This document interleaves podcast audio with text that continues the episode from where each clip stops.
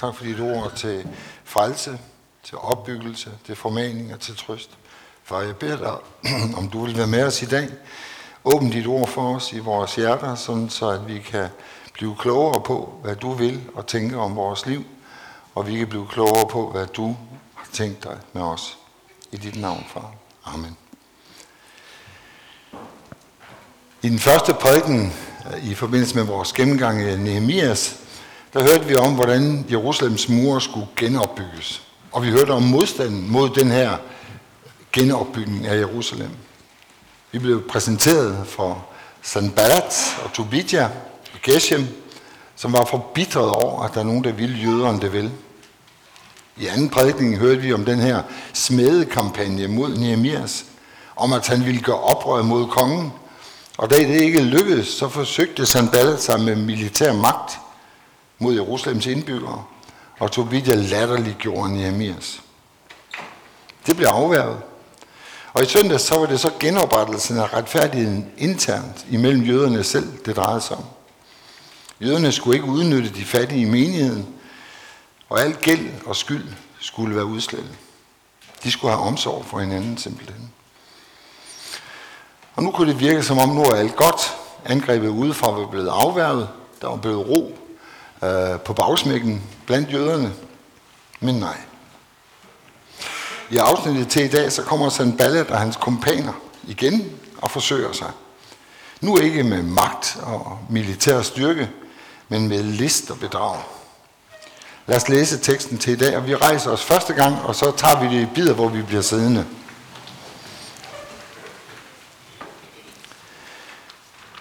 Og teksten den står i Nehemias bog, kapitel 6, fra vers 1. Da Sanballat, Tobidja, Araberen, Geshem og resten af vores fjender hørte, at jeg havde bygget muren, og der ikke var noget brud tilbage i den, dog havde jeg på det tidspunkt ikke sat portfløjene ind, sendte Sanballat og Geshem bud til mig med den besked. Kom og lad os mødes i Kefirim i Onodalen. Men de planlagde ondt imod mig. Jeg sendte derfor bud til den og svarede, det er stort arbejde, jeg er i gang med, så jeg kan ikke tage dig ned. Arbejdet vi ellers gå i stå, hvis jeg forsømte det og tog ned til jer. De sendte bud fire gange på samme måde, og jeg svarede dem på samme måde. Amen.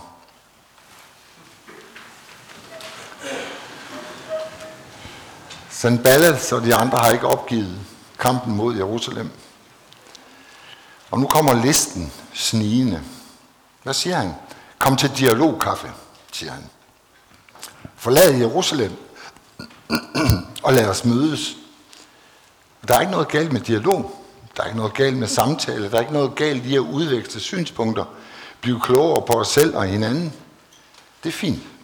Men, og her er der et stort men, vi skal gøre os klart, hvad er formålet med den samtale, vi indgår i?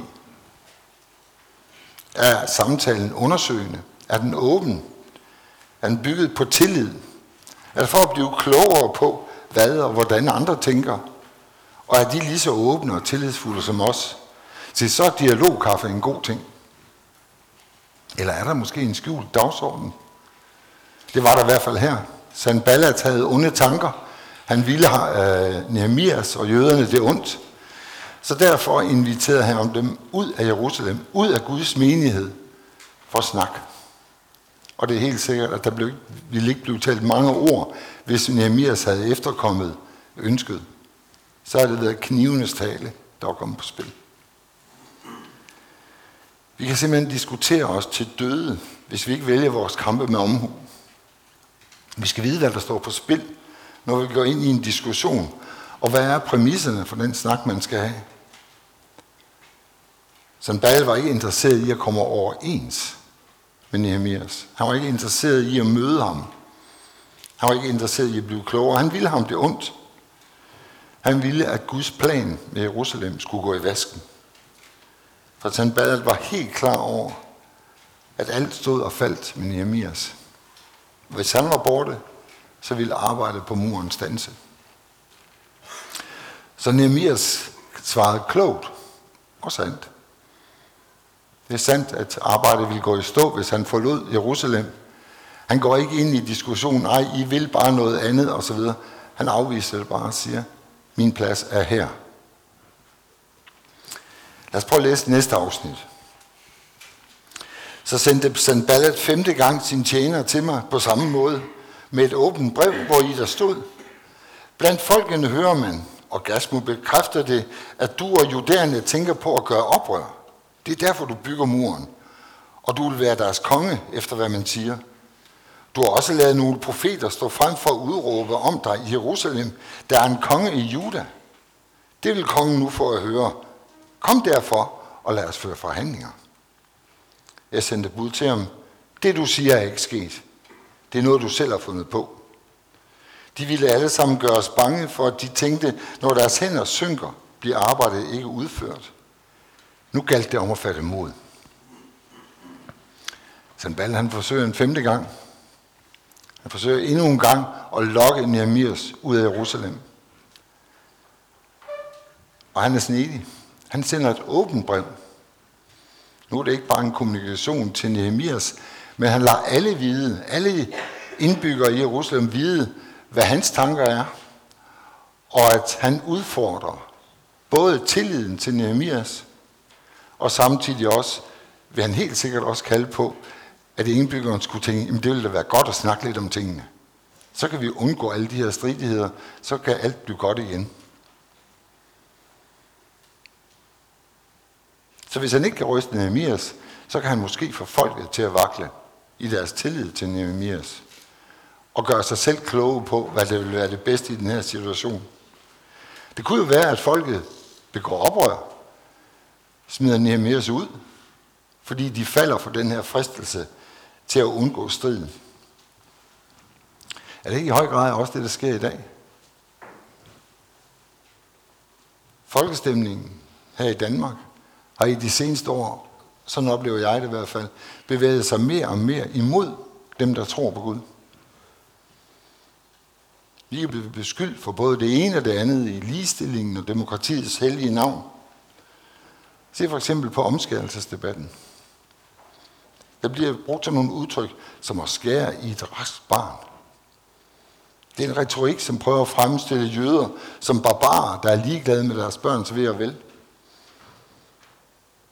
Og andre situationer mærker vi presset udefra, fra samfundet. Og uden at gøre mig selv til profet, så vil jeg næsten kunne sige, at på et eller andet tidspunkt, der kommer der nogen, der siger, er det egentlig rimeligt, at vi har fradrag for det, vi giver til vores kirker, vores foreninger, vores skoler. Det må da være folks egen sag, om de vil støtte sådan noget. Og så kan det blive svært. Det kan blive meget svært for os at holde fast i de frihedsrettigheder, vi har haft siden 1849, siden grundloven blev lavet. Det kan komme til at koste mere, end vi lige regner med. Vi tror, at alt er godt. Det kører, som det plejer. Vi kommer i kirken, og vi betaler noget, og det er vi fradrag for, så det hele balancerer. Vi har råd til at ansætte præster. Vi har råd til at ansætte lærere på vores skoler. Øh, det skal nok gå. Det er en usikker pedestal, vi står på, kære venner. Vi kan sagtens komme i en situation, hvor samfundet lige pludselig vender sig mod os. På grund af løgn, på grund af retorik, og det skal vi være klar over. Vi skal være klar over, at vi kan komme i en situation, og jeg siger ikke, at vi er der nu, og det er ikke sikkert, at det sker. Men jeg synes, jeg ser flere og flere tegn på, at det er den vej, det bevæger sig. At mennesker, der tror på Gud, bliver illeset i et samfund. Og det er uanset om det er kristne, eller muslimer, eller jøder. Så selve det at tro på Gud og lægge sit liv i hans hænder, og faktisk tro, at der er noget, der er højere end grundloven, altså Guds lov, Selvfølgelig skal vi overholde grundloven. Klart. Men der kan også komme situationer, hvor vi kommer til at stå i et valg imellem at adlyde Guds bud og grundloven. Eller en af de lover, der nu er resultatet af grundloven. Og der kommer vi til at stå i et valg, om vi vil acceptere den forfølgelse, som vi kunne blive udsat for. Nehemias han er ikke i tvivl. Nu gælder det om at fatte mod. Nu skal vi, undskyld udtrykket, klemme ballerne sammen og være faste i troen, faste i, hvad er det, vi vil, hvad er det, vi står på, hvad er vores prioriteringer, og fortsætte det arbejde, som Gud har sat os til. Vi læser videre i kapitel 6. Jeg gik til Shemaias hus. Han var søn af Delaja, sønnesøn af Metabel. Han var afskåret fra at komme. Han sagde, lad os mødes i Guds hus, inde i templet. Lad os lukke templet større, for de kommer for at dræbe dig. De kommer om natten for at dræbe dig. Der sagde jeg, skulle en mand som jeg flygte? Og hvordan kan en mand som jeg gå ind i templet og beholde livet? Jeg går ikke derhen. Jeg blev nemlig klar over, at det ikke var Gud, der havde sendt ham, men at han havde udtalt profetien om mig, fordi Tobidja og Sanballat havde bestukket ham. Han var blevet bestukket, for at jeg skulle blive bange og gøre, som han sagde, så jeg havde begået en synd. Og de ville kunne bruge det til at bringe mig i vandry, så de kunne håne mig. En ting det er, at samfundet angriber os. Det kan vi leve med. Det kan vi forstå. Men det er det, det værste. Fjenden havde bestukket en af Guds profeter. Og det er sikkert mig, der har en fuldstændig forkert idé om, hvad en profet er for en. Det er sådan en, der taler direkte fra Gud.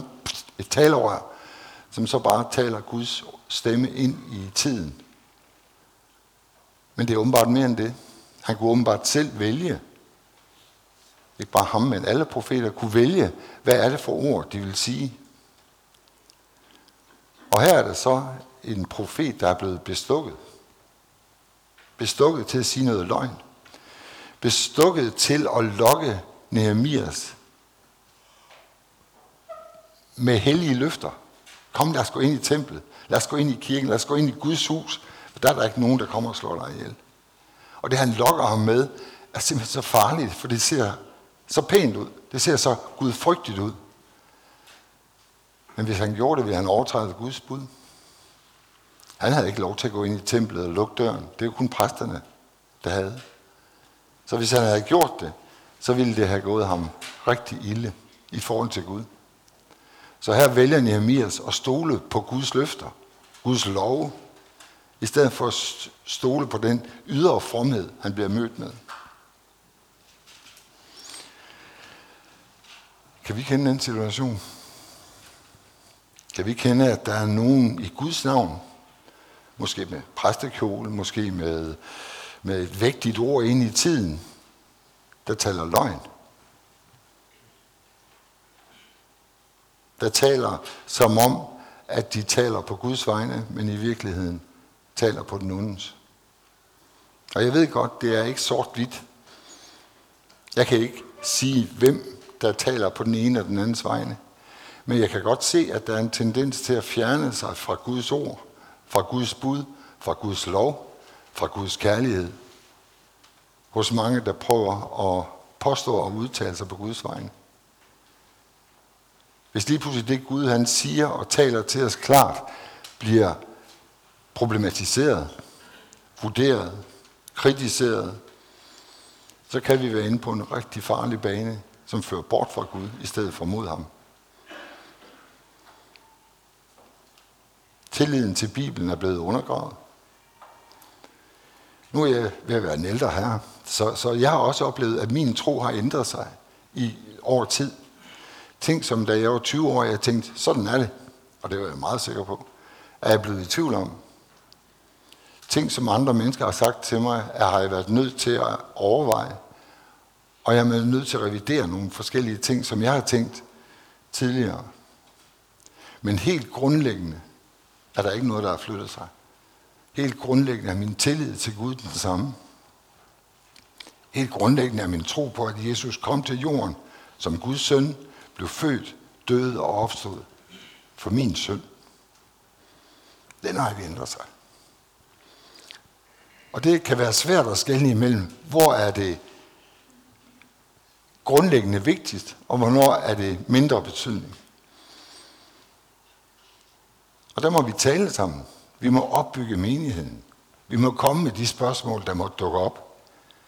Skulle man tænke, er det rigtigt eller forkert med det ene og det andet eksempel, når tingene udvikler sig? Tal med hinanden. Del det med hinanden. Be over det. Læs om det. Men lad være med bare at følge den tidsstrøm, der nu lige netop er populær på det tidspunkt. Tag Guds fulde rustning på. Vi læser videre i vers 14-16 i kapitel 6. Min Gud, husk Tobidja og Sanballat for disse gerninger, og lige så profetinden Noadja og resten af profeterne, som ville gøre mig bange. Efter 52 dages forløb stod muren færdig den 25. dag i månen i Da alle vores fjender hørte om det, og alle folkeslagene omkring os så det, forekom det dem meget forunderligt, og de forstod, at det var vor Guds vilje, at dette arbejde var udført. Det var ikke bare Semaja, der havde svigtet både Gud og Nehemias. Der var også profeten, profet inden Noadja, og resten af profeterne står der faktisk. De havde svigtet alle sammen. Deres formål var at gøre Nehemias bange, så han opgav hele hans projekt. Og det kan være svært, og det er svært at holde fast ved det, Gud har lagt på ens skuldre. Især når mennesker, som burde være bag en, er imod en. Det kan være en kamp, som man godt kan blive fristet til at opgive. Men læg mærke til, hvad der står her. Efter 52 dages forløb stod muren færdig den 25. dag i måneden Elul.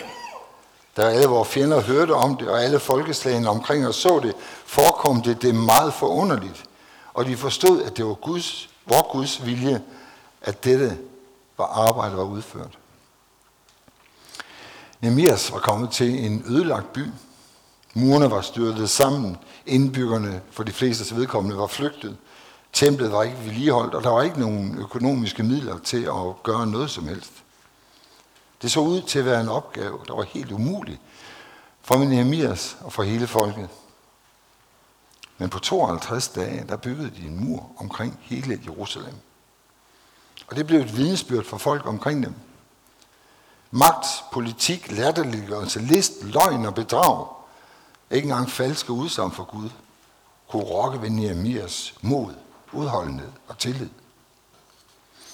Der var simpelthen sket et under, lige for næsen af alle hans modstandere. Det, der var umuligt for mennesker, var muligt for Gud. Og det var det, da der var mennesker, der var parat til at ofre deres malighed, deres penge og måske endda deres eget liv. Folkene omkring Jerusalem så måbende til et vidnesbyrd om Guds nåde og vilje med sit folk. Og sådan håber jeg også, at vi kan være et vidnesbyrd om Guds almagt og Guds kærlighed, så andre kan få grund til at tro på ham. Og nu kunne jeg godt tænke mig, at Nehemias bog den sluttede.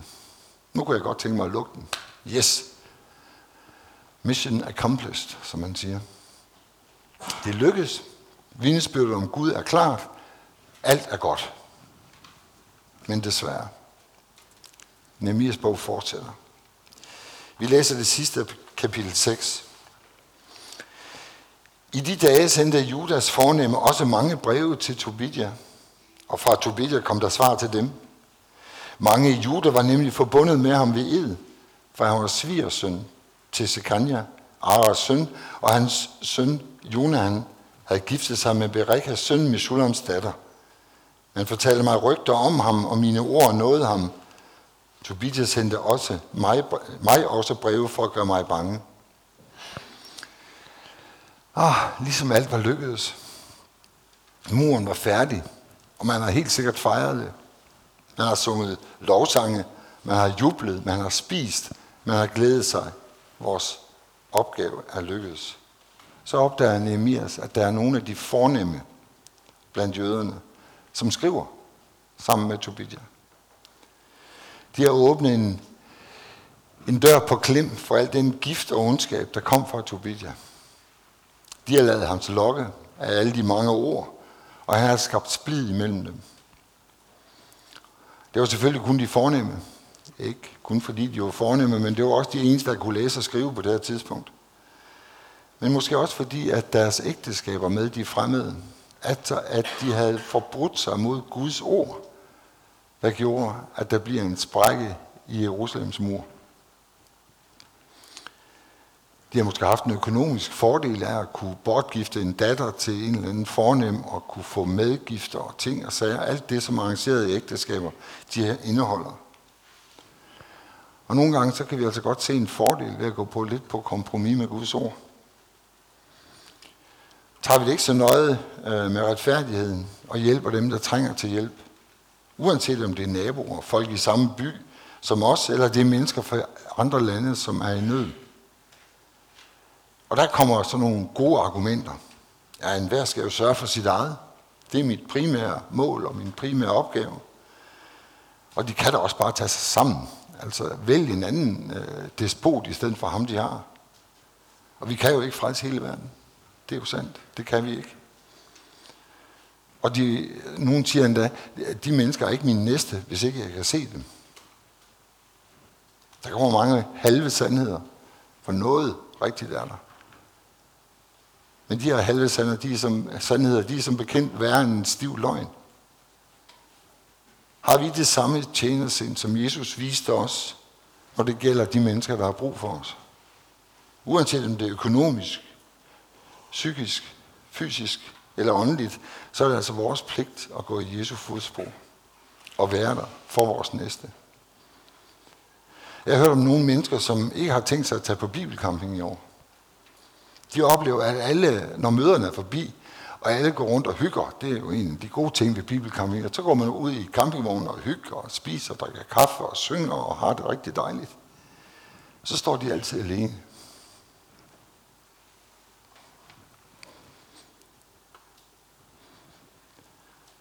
Der var aldrig nogen, der spurgte, om de ville med.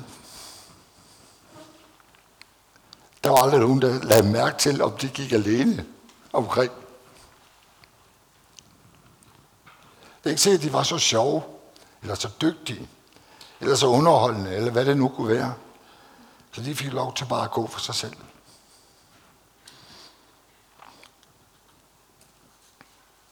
Og var kirken været tavs, når debatten om omskæring af jødiske børn har rundet rundt i medierne, hvor har vi hørt lidt fra de kristne i forsvar for jøderne og for Guds ord. Hvor er vi ofte tavse, når der bliver snakket om abortlovgivning. For vi ved jo godt, at næsten alle omkring os anser det for at være en kvindes ret at bestemme over egen krop, som de siger. Det lyder godt.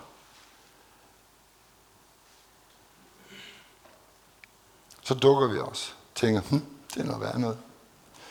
Men det hjælper jo ikke noget at sige noget af det. Så vi dukker os.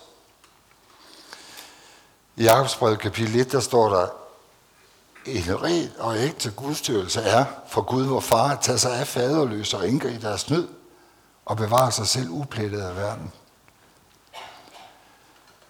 Så når vi dyrker Gud, så er det altså ikke kun, når vi mødes her om søndagen i vores fineste pus, og er sammen og synger sammen og nyder det fantastisk dejlige fællesskab. Hvor er det dejligt at se jer. Jeg holder så meget af det. Men vores gudstyrkelse er altså at tage os af enker og faderløse. Dem, der har det svært. Der tjener vi Gud. Og nej, der er ingen ende på den vej. Vi kan aldrig nogensinde vinke af og sige, tjek, nu har vi gjort det, vi skulle.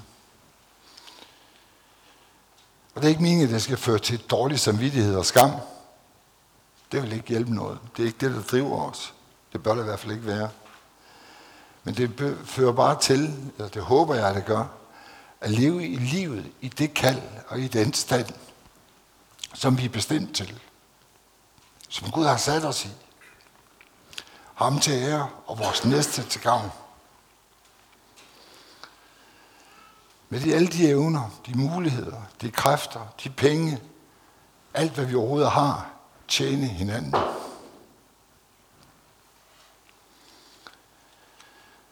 Og selvfølgelig skal vi være kloge. Selvfølgelig skal vi være vise i vores omgang med andre mennesker. Vi skal ikke hælde vores omsorg ned over dem som en byrde. Eller som lige C.S. Lewis, han beskriver en kvinde. Hun er en af de kvinder, der levede for andre mennesker. Og hvem de andre mennesker var, det kunne man se det plagede udtryk, de havde i ansigtet. Altså hendes omsorg var en plage. Det selvfølgelig skal det ikke være sådan. Det er ikke vores projekt, men det skal være vores nød at række ud til de mennesker, der har brug for os. Det gjorde Nehemias. Han kunne godt have været blevet øh, i kongens hof som mundskænk, have levet livet, haft det godt. Alligevel drager han ud i en udørken hvor ingenting næsten kunne vokse, hvor mennesker var udsat for overfald og led, og led stor nød, der tog han ud og gav alt, hvad han havde. Som vi vil høre om senere, så er det altså ikke småpenge, han havde bragt med sig for at bygge Jerusalems mure op. Og han stod på muren dag og nat for at forsvare Jerusalem mod overgreb. Men muren er blevet bygget. Der er glæde. Og det skal vi høre om i de her første tre vers af kapitel 7. Da muren var bygget, og jeg havde sat portfløjene ind, blev portvagterne, sangerne og levitterne udpeget. Og jeg indsatte min bror Hanani borgerkommandanten Hanania over Jerusalem, for han var en mere pålidelig og gudfrygtig mand end de fleste. Og jeg sagde til den, Jerusalems porte må først åbnes ved højlysdag, og mens de endnu står på vagt, skal de lukke og låse portene. Jerusalems indbyggere skal stå vagt, hver på sin post, hver ud for sit hus. Bed og arbejde, det var Nehemias motto. Og det bør også være vores. En pålidelig mand eller kvinde er en, der har blik for både Guds gerning og velsignelser, og samtidig være tro i den gerning, Gud har givet ham. Det var ikke sådan, man bare satte sig ind og så sige, nu er muren bygget, og nu kan vi bare bede Gud om at passe på den for os. Nej, de satte vagtposter ud. De var kloge, de vidste, hvornår det var godt at åbne porten og låse den igen. De var ansvarlige over for det arbejde, Gud havde givet dem. Men samtidig også helt sikkert, at der blev indsat både øh, præster og sangere og portvagter, ville de også bruge tiden på at prise Gud, på at tilbe ham. Vi skal være opmærksom på, hvad det er for muligheder, Gud har givet os. Hvad er det for nogle muligheder, Gud har lagt hen til os, som muligheder for, at vi kan gøre hans gerning. Både i forkyndelse, men også i tjeneste. I tjeneste for hinanden. Jøderne lader deres liv i Guds hænder, uanset hvad der måtte møde dem. Lad os gøre det samme. Amen. Lov, tak og evig ære være dig, vor Gud, Far, Søn og Helligånd. Du som var, er og bliver en sand treenig Gud, højlovet fra første begyndelse, nu og i al evighed. Far i himlen, vi takker dig for al din godhed. Vi takker dig for, at du har befriet os fra den ondes magt og herredømme over vores liv. Vi beder dig om indsigt og mod til at kæmpe for din sag. Lær os at skelne mellem ondt og godt, og lad os altid holde fast ved dine løfter, også når den onde forsøger at så tvivl om dig og din kærlighed. Herre, du ser, at vi ofte bliver anfægtet af den ondes list og den falske trøst, som han visker os i øret. Du ser, at han forsøger så ondt blod mellem vores brødre og søstre vi at få os til at fokusere på småting og ligegyldige uenigheder.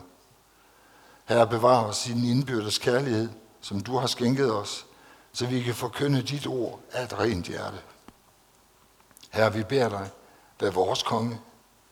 Lad os få lov til at efterfølge dig i din tjeneste for mennesker i de vilkår, vi lever under. Vi takker dig for fred i vores land. Takker dig for frihed til at samles til Guds tjeneste og for at kunne tjene samfundet med alt det, du har givet os. Men vi beder dig også, lad ikke den her tid blive en fristelse for os til at blive malige og glemme, at du kæmpede og strid mod ondskab og dæmoner i din tid, ligesom vi må gøre det i vores.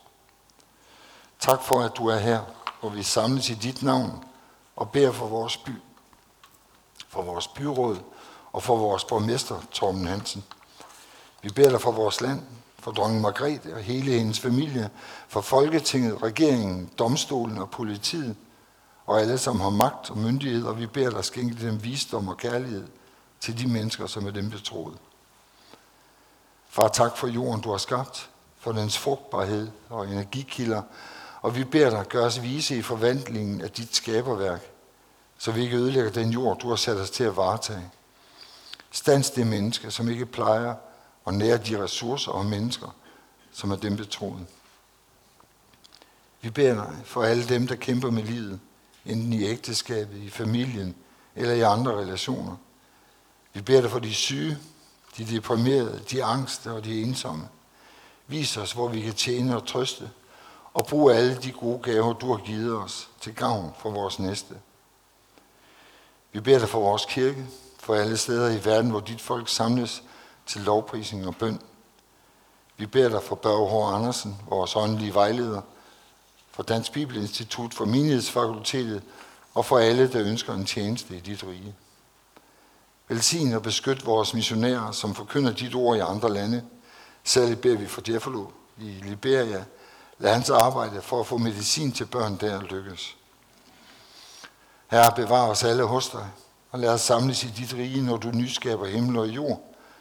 Og indtil da beder vi, Gud, kom og hjælp os hver og en, som lammet er af livet, og rejse os op på troens ben med nåden, du har givet. Du dømte med retfærdighed, men gav din søn i vores sted, som frelser og forsoner. Amen.